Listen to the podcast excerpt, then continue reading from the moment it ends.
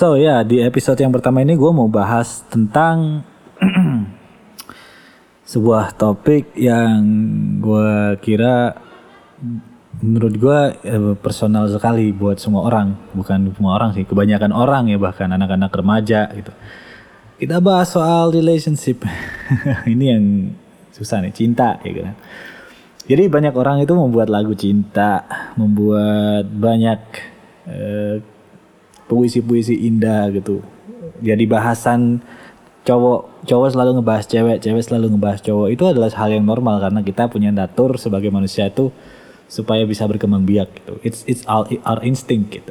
Nah, kita bahas soal cinta di sini adalah yang kita bahas adalah lu mau bahas cinta yang seperti apa gitu. Maksudnya bahas relationship yang seperti apa gitu. Gue bisa bahas beberapa tipikal relationship masalah-masalah relationship yang secara umum terjadi gitu. Gua pernah uh, berada di posisi relationship yang, pertama adalah toxic relationship. Gua pernah tahu rasanya fans idol relationship, tahu rasanya apa ya? Uh, eh, LDR juga gue pernah gitu. Terus gue terakhir gue juga pernah ngerasain yang paling sering terjadi di Indonesia adalah interfaith relationship. Apa itu interfaith? Ya yang beda keyakinan gitulah intinya. So anyway gue mau bahas kupas satu-satu dan insight yang gue dapet dari pengalaman gue dan gue mau sharing aja ke teman-teman supaya maybe teman-teman ada yang sedang mengalami uh, relationship relation relationship yang gue sebutkan barusan tadi yang pertama toxic relationship. Uh, kalau dari ini ini dari sudut pandang gue ya dari menurut gue toxic relationship adalah sesuatu yang terjadi ketika lo menjalani sebuah relationship tapi hanya satu orang doang yang diuntungkan dalam artian eh, nggak uh, mau mikirin pasangannya gitu egois gitu. Jadi cenderung dia membuat pasangannya itu menjadi downgrade gitu nggak grow gitu going nowhere gitu. Jadi toxic relationship pada umumnya menurut gua terjadi karena uh, banyak faktor ya gitu kan. Bukan bukan cuma faktor kesenjangan sosial doang gitu. Beberapa faktor ya di antara lain sifat juga. Mungkin sifatnya beda gitu. Dan uh, kedewasaan gitu kan. Ya kadang toxic relationship juga bisa terjadi karena keadaan ya situasi di mana dia harus bertahan hidup gitu. Sering banget uh, eh, gue ngeliat kasus-kasus temen-temen yang toxic relationship itu karena Uh, mereka itu sayang karena sayangnya saking sayangnya dia akhirnya bodoh dan gak bisa melogika gak bisa menalar gitu. Karena uh, ini adalah salah satu sindrom bukan sindrom sih ini salah satu insting juga itu kalau cewek itu dia punya insting keibuan kalau cowok itu punya insting protektif gitu. Cowok akan cenderung walaupun si cewek ini toxic gitu cowok akan berusaha melindungi gitu. Gimana pun caranya gue harus uh, provide this women gitu. Kalau cewek biasanya cewek itu gimana caranya gue harus bertahan karena gue percaya nah, cowok gue cinta sama gue dan cowok gue ini pasti bakal berubah. Seperti ibu lah yang ngomong anaknya gitu yang ngomong bahasa Jawanya. Nah ini bisa jadi toksik karena uh, ini menghambat proses lo untuk bertumbuh. Pada umumnya ya gue secara pribadi gue pernah ngalamin di mana si cewek ini ya gue nggak nyalahin juga gitu. Karena ketika lo terjadi dalam suatu toxic relationship itu yang lo lihat diri lo lo gue grow gitu. Gue grow kok gue bisa kok bertahan gue survive kok segala macem.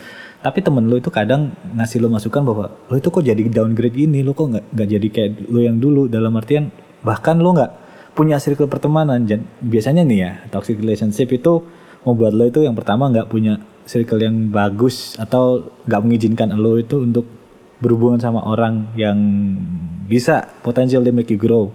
Lalu yang kedua toxic relationship itu membuat pertumbuhan secara finansial terhambat ya.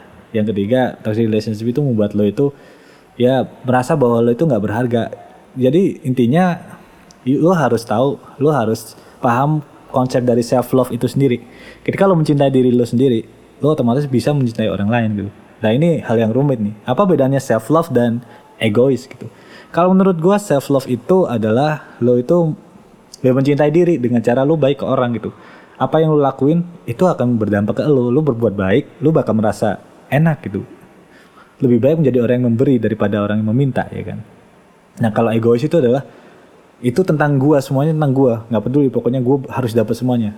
Lo cenderung tidak mementingkan orang lain cenderung lo bakal membuat orang lain tuh membenci lo bahkan. Dah. Apa yang lo lakukan itu dampaknya buruk dan sebenarnya lo tahu tapi lo tetap lakuin gitu. Nah itu adalah contoh self destructive mind jadi self love itu penting dengan the, ya untuk menyelamatkan diri lo dari toxic relationship uh, lo harus tahu konsepnya self love dulu kalau menurut gua jadi impress yourself first before you try to impress anyone else gitu kalau lu merasa nggak nyaman, ya lu bilang ke pasangan lu. Kalau ke pasangan lu nggak bisa kompromi, menurut gua something wrong gitu. Lu harus ngobrol dengan baik. Kita nggak bisa ngejudge kalau pasangan ini egois, kalau macam gini-gini. Uh, di balik keegoisan itu sebenarnya menurut gua seorang cewek maupun cewek ya kan, mereka pasti ada sesuatu yang mereka defense. Karena egois itu adalah defense mechanism. Dulu mungkin dia kecewa sama seseorang ya, karena dia kecewa akhirnya dia nggak mau orang itu memperlakukan dia seperti itu lagi. Nah, dari kekecewaan itu lo harus ya kalau gue secara pribadi mending kita memahami daripada membenci gitu. Karena kalau kita membenci dua orang pasti akan ada di pikiran kita terus gitu nah itu kita ngobrol soal toxic relationship gitu. Oh. Keren banget toxic toxic relationship itu sampai sepanjang ini gitu.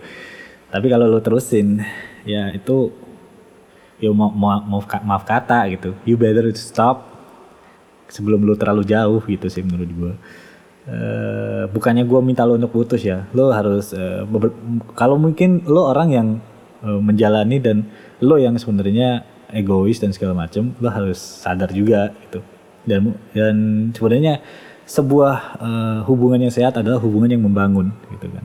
Kalau emang lo salah ya udah lo akuin. Pokoknya intinya lu jangan jadi pasangan itu jangan pernah gengsi dan selalu kalau salah admit dan berusaha untuk berubah. Kalau lu berada di sebuah hubungan dan lo itu nggak ada keinginan untuk uh, menjadi orang yang lebih baik untuk pasangan lo bahkan lebih penting adalah lebih baik untuk diri lo sendiri. Kalau lo nggak ada uh, keinginan untuk melakukan itu uh, I think you have to evaluate yourself gitu. Kalau menurut gue secara pribadi ya. Karena gue melakukannya pada diri gue sendiri gitu. Oh gue kok nggak bisa uh, menuntut diri gue menjadi lebih baik ya? Gitu. Kayak gue lebih baik itu bukan buat diri gue sendiri gitu. Gue selalu buat pasangan gitu. Ya akhirnya jatuhnya toxic. Always do something that make uh, yourself uh, grow gitu. Uh, bukan egois ya beda ya. Kalau egois itu lo mikirin lo sendiri tapi kalau misalkan self love itu lo juga mikirin impactnya kalau misalkan gue melakukan ini gue bisa grow nggak ya gue bisa bikin pasangan gue grow juga nggak ya nah, pikir lebih jauh gitu. So that's toxic relationship. Lalu yang kedua kita bicara soal LDR ini, LDR ini susah ya. Jadi yang pertama toxic relationship, yang kedua gue bahas LDR. LDR ini panjang kalau dibahas gitu. Kita bicara soal komitmen gitu. Karena kita dapat uh, banyak hal yang kita terima dari LDR. LDR ini membuat kita itu setiap saat itu insecure. Uh, kalau misalkan Eh, bukan insecure pasangannya selingkuh ya lebih lebih tepatnya uh, insecure karena nih lo nggak punya nggak punya apa kendali kontrol nih atas pasangan lo secara direct ya physically bisa aja dia sakit tapi nggak bilang bisa aja dia uh, belum makan tapi bilang udah bisa aja dia kehujanan apa gimana itu insecurity insecurity itu pasti muncul karena uh, semakin lo sayang sama pasangan lo semakin lo bakal merasa ingin pasangan lo itu comfort gitu kan. Ini bahaya. Jadi ini bahaya. Insecure ini terbentuk karena ketidak ada uh, ketidakhadiran lo gitu. Nah, gua gua juga belajar soal love language di sini ya. Jadi ada yang namanya love language dan ada lima love language gitu. Lo bisa catat nih. Uh, love language yang pertama adalah quality time. Orang yang butuh quality time, uh, orang yang uh, mereka merasa dicintai dengan quality time adalah mereka yang uh, selalu uh, ingin ingin ya minimal mereka bersama jalan berdua lah gitu. Nah itu love language-nya dia, yaitu quality time. Dia kalau jalan berdua sama pacaran dia merasa disayang gitu. Nah yang kedua adalah uh, physical touch. Physical touch adalah mereka yang suka uh, dengan ya you know what I'm saying? Uh, fisik lah, physically in touch, in contact. Mau mau pegangan tangan kayak mau lo jalan berdua sambil uh, apa pun lah pokoknya physical touch gitu kan. Tabuk-tabukan kayak. No no to be honest nggak nggak nggak mungkin kita tabuk-tabukan waktu pacaran. Mungkin sih ya kalau berantem. Ya tapi nggak baik gitu bukan physical abuse ya tapi physical touch yang sekedar cuma pegang doang gitu. Ada orang yang love language-nya physical touch gitu. Yang kedua ya yang ketiga adalah um, ada orang yang love language-nya itu gift ya. Gift itu dikasih hadiah. Orang yang suka banget dikasih hadiah gitu. Kalau gue kasih eh, pasangan gue hadiah dia merasa dicintai. Itu ada orang yang love language-nya kayak gitu. Ada juga orang yang love language-nya yang pertama tadi apa? Uh, tadi pertama uh, quality time ya jalan bareng. Yang kedua gift. Yang ketiga eh yang kedua uh, physical touch ya. Quality time physical touch gifts sama act of service yang keempat. Ya act of service ini gimana? Act of service adalah act of service adalah ketika lo itu kerja dan lo dibantu pasangan lo lo merasa oh pasangan gue cinta sama gue nih dia dia bantuin gue kerja. Ya mungkin sekedar bikinin gue kopi. Waktu gue suruh dia mau gitu. Ya nurut gitu lah. Pokoknya pekerjaan lo itu dibantu sama pasangan lo. Nah itu suka banget pasangan lo. Berarti dia love language-nya adalah act of service. Ya, dia suka ngasih service uh, gitu. Nah yang kelima love language-nya adalah apa yang terakhir ya Yang kelima adalah uh, ini word word of affirmation. Ini hanya sekedar kayak dikasih kata-kata semangat gitu aja, lo udah suka banget gitu. Jadi encourage, uh, appreciate lo, terus uh, tiba-tiba dikasih teks kayak pagi semangat ya hari ini kerja itu lo merasa dicintai gitu. Nah itu berarti love language-nya word of affirmation ya. Kita recap lagi ya. Tadi yang yang pertama adalah quality time. Quality time itu lo jalan bareng terus uh, yang kedua adalah physical touch itu lo dipegang uh, pokoknya fisikal kontak fisik lah. Yang ketiga receiving gift eh, eh act of service eh ya gift dulu gift lo tuh dikasih hadiah gitu lo seneng gitu. Yang keempat act of service jadi lo dibantu waktu kerja lo seneng lo merasa dicintai. Dan kelima terakhir adalah word of affirmation affirmative. Jadi lo diakui dan dan dengan kata-kata uh, dibilang kayak ya pokoknya kata-katanya comfort banget nih buat lo. Lo merasa dicintai dengan uh, di treat seperti itu. Dan know how you, how how to get treated. Nah di LDR ini masalahnya adalah gue adalah orang yang word of affirmation sama quality time gitu. Kadang kalau nggak dikabarin atau gue nggak disemangatin I feel like there's something wrong in this gitu. Karena gue gue suka banget kalau di treatnya cuman disemangatin gitu doang gue suka gitu. Nah um, ya honestly LDR ini satu hal yang sulit karena juga jarak ya. Gua gua juga kepikiran financially gue harus memenuhi biaya transport yang makin mahal apalagi corona ya. Corona is like so sucks gitu. Tiba-tiba harga tiket naik dan juga gue harus swab test, harus ini, harus itu ribet banget. Mau ketemuan aja nggak bisa kayak gini gitu. Akhirnya uh, ya ini satu hal yang paling sering terjadi adalah insecure. Insecurity itu akan terbangun secara nggak sadar gitu. Walaupun kita bilang kita nggak apa-apa, kita sadar kita jalani hubungan biasa aja gini-gini. Nggak bisa gitu kan. Ketika lo mencintai seseorang insecurity itu pasti ada. Ya bukan nggak percaya ya beda ya. Insecurity-nya itu bukan karena nggak percaya tapi karena takut pasangan lo sakit atau takut pasangan lo itu nggak ada yang nganter apa gimana kayak gitu.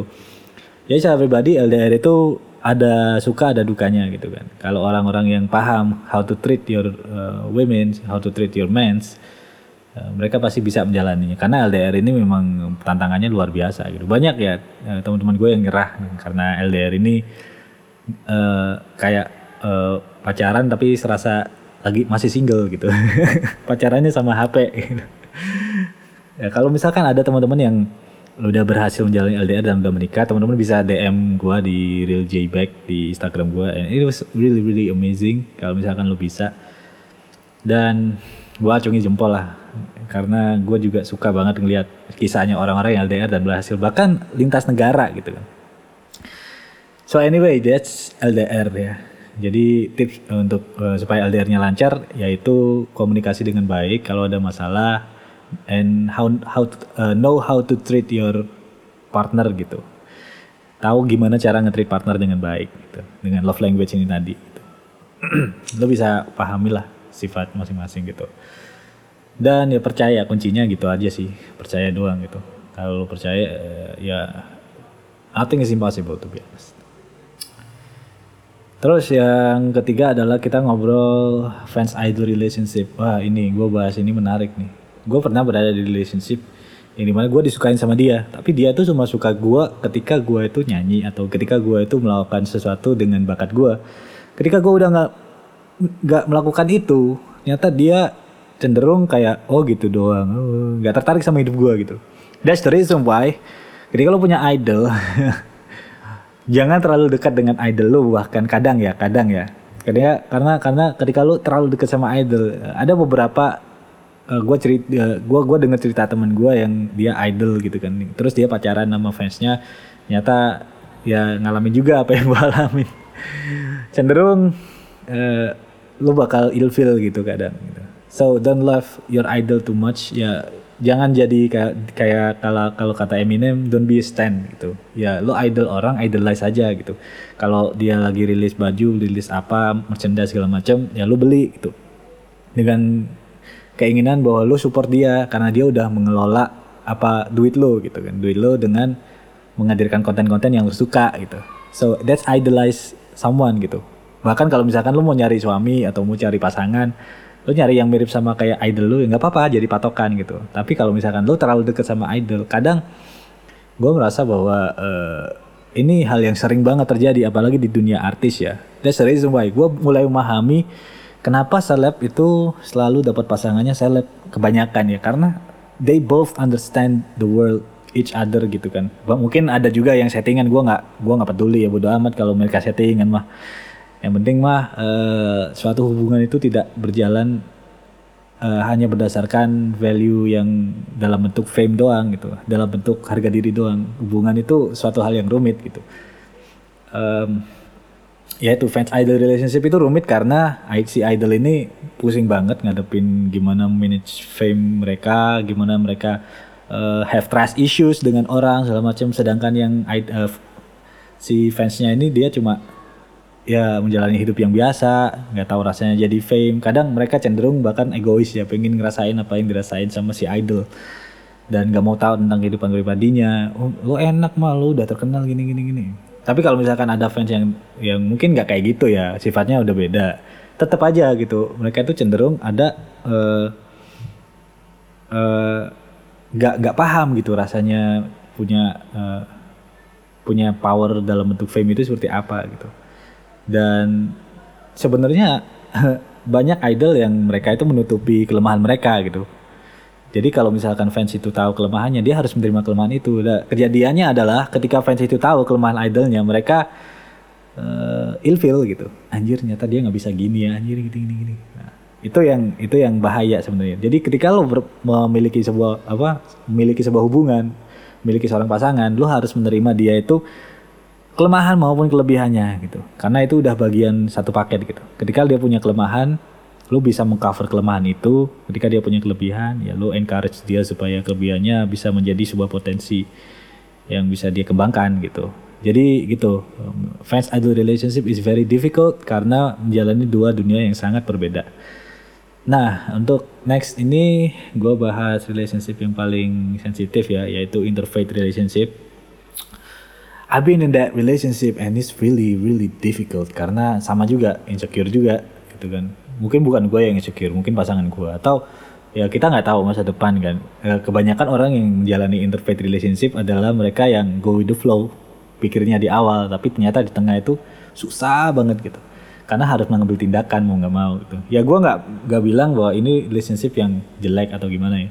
Tapi uh, ada tiga jalan sih kalau kata temen gue mah gitu. Lo mau jalan yang pertama yaitu pindah ke agama.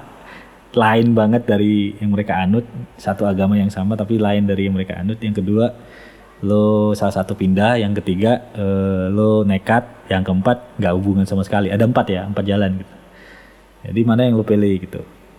Ya ini very very difficult karena ketika uh, lo pasangan lo memiliki keluarga yang sangat konservatif atau ya lo nya juga punya keluarga yang konservatif yeah, there, there will be so many drama there to be honest. Ya yeah, I've been there. I understand how it feels.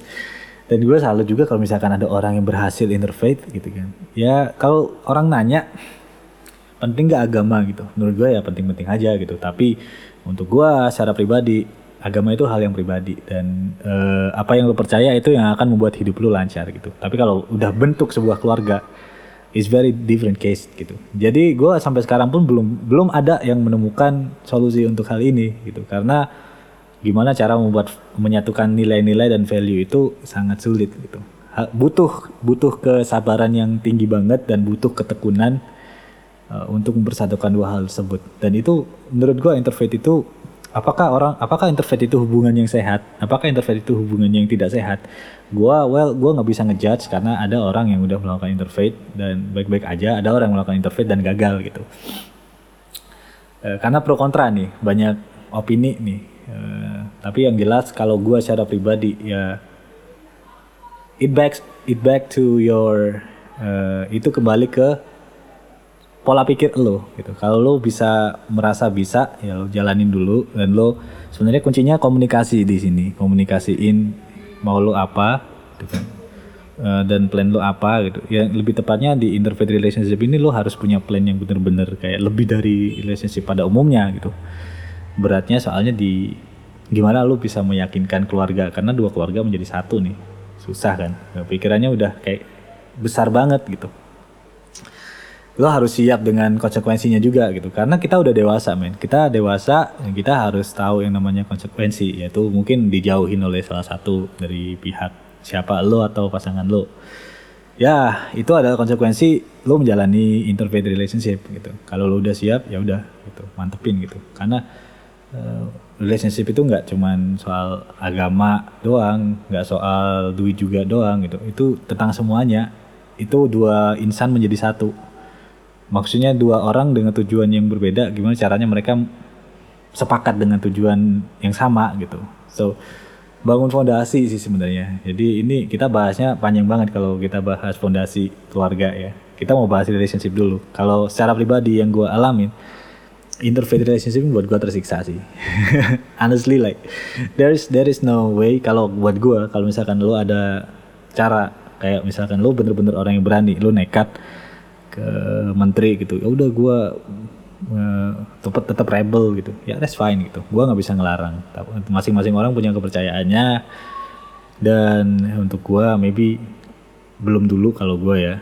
Ntar gue pikir lagi. Gue pikir dua kali tiga kali lima kali bahkan kalau mau in, into interfaith relationship again. Tapi ya gue gua nggak mau nggak mau ngejudge mereka yang udah menjalaninya. Jadi tetap stay with your relationship temukan jalan dan kesepakatan yang bisa diterima oleh kedua belah pihak. Dan gue percaya semua ini adalah sebuah proses dan lo harus menjalaninya gitu. Suka maupun duka. Namanya relationship gak ada yang mudah. Ya jadi itu empat relationship yang mau gue sharingin di sini. Dan gue dapat beberapa insight yang mungkin bisa lo terima dan lo ambil juga pelajarannya di sana gitu. Karena menjalani relationship itu bukan hal yang mudah dan eh, seharusnya relationship itu cenderung akan membuat lo lebih bertumbuh jadi orang yang lebih baik. Itu sih kalau menurut gua sekarang gitu. Dan kalau misalkan lo belum siap emang prepare dulu gitu. Untuk diri lo sendiri ya terutama ya. Jadi kita bukan ngobrol soal egois ya. Jadi jangan egois ya. Tahu cara membedakan mana kepentingan bersama dan mana kepentingan pribadi. Nah jadi untuk menjadi pasangan yang ideal, lo harus mempersiapkan diri, lo harus benar-benar yakin bahwa lo itu adalah orang yang bertanggung jawab, yang yang pokoknya jangan jangan suka nyusahin pasangan gitu intinya. pasangan itu suka banget sama orang yang nggak suka nyusahin, tapi jangan juga uh, menjadi pasangan yang tertutup gitu, harus terbuka ya kan. Lo nggak mau nyusahin, ya minimal lo uh, kasih tahu pasangan lo bahwa lo tuh punya solusi untuk masalah lo gitu kalau lu belum punya solusi ya udah uh, lu gimana caranya lu bisa deliver unek-unek lo itu dengan uh, untuk membuat pasangan lo itu dengan cara yang membuat pasangan lo itu nggak insecure. Atau bahkan lo harus kalau memang lo harus diam lo diam aja. Lo bilang ke pasangan bahwa gue punya masalah bentar ya gue mau nyelesain dulu. Ntar kalau udah kelar masalahnya yang gue ceritain gitu. Ya harus bisa berkompromi lah. Komunikasi itu penting banget gitu. Kalau lo punya pasangan lo harus tahu uh, sebenarnya enak punya pasangan itu. Uh, lu punya orang yang lu cinta itu gue percaya bahwa cinta itu bisa mengubah seseorang. Buktinya adalah ketika lo ngobrol sama orang lain mungkin lo ngobrolnya kayak kasar banget segala macam tapi ketika lo ngobrol sama orang yang lo cinta gitu lo sayang gitu lo bakal lebih halus gitu. Kayak lo nggak akan tega buat uh, buat orang yang lo sayang itu tersakiti gitu. That's how love change people jadi orang itu bisa belajar menahan diri gitu. Mau itu entah lo mau sama pacar lo mau sama anak lo mau sama ibu lo kalau lo mencintai mereka that's going to change your perspective that's going to change the way that you can manage your emotion gitu. banyak yang akan berubah. Nah gitu. Jadi kalau ada orang yang mikirnya pacaran itu nggak ada untungnya menurut gua mereka adalah orang-orang yang tidak mau belajar. Karena oh, pengalaman baik maupun buruk itu selalu ada pelajaran gitu menurut gua tuh gagal itu adalah uh, bukan sebuah kekalahan. Gagal itu bukan sebuah kekalahan, tapi gagal adalah sebuah tanda bahwa lo itu bakal dibawa ke next level. Gagal adalah uh, kesempatan lo buat belajar gitu. Oh, dalam gue gagal melakukan ini nih, apa yang bisa gue pelajarin? Akhirnya gue move. Kalau lo berhasil pun ya gue, gue pikir lo pasti belajar kalau lo berhasil. Oh, gue berhasil berarti gue kalau kayak gini besok caranya harusnya bisa juga gitu. Nah belajar kan gitu. Kalau gagal, gue gagal sekarang. Ya udah gue ubah akhirnya belajar. Sama aja gitu. Lu mau gagal mau berhasil sama-sama belajar intinya. Selalu ambil sesuatu dari sana. Ambil hikmahnya. Jangan lu simpen keburukannya doang. Jadi with that kind of mindset you will grow eventually. Menurut gua sih ya menurut gua gitu. jadi ya udah lama udah 26 menitan. Jadi sekian dulu uh, untuk podcast pada episode ini ya, dicuap-cuap gue bakal ngobrol tentang hal lain di lain waktu kalau teman-teman yang pengen ngasih gue masukan topik apa yang pengen gue bahas lo bisa add Instagram gue di follow Instagram gue di DM di Instagram gue @realjback. Oke, okay, thank you for the time. I hope uh, you can get some insight and make you grow as a better person. Ciao.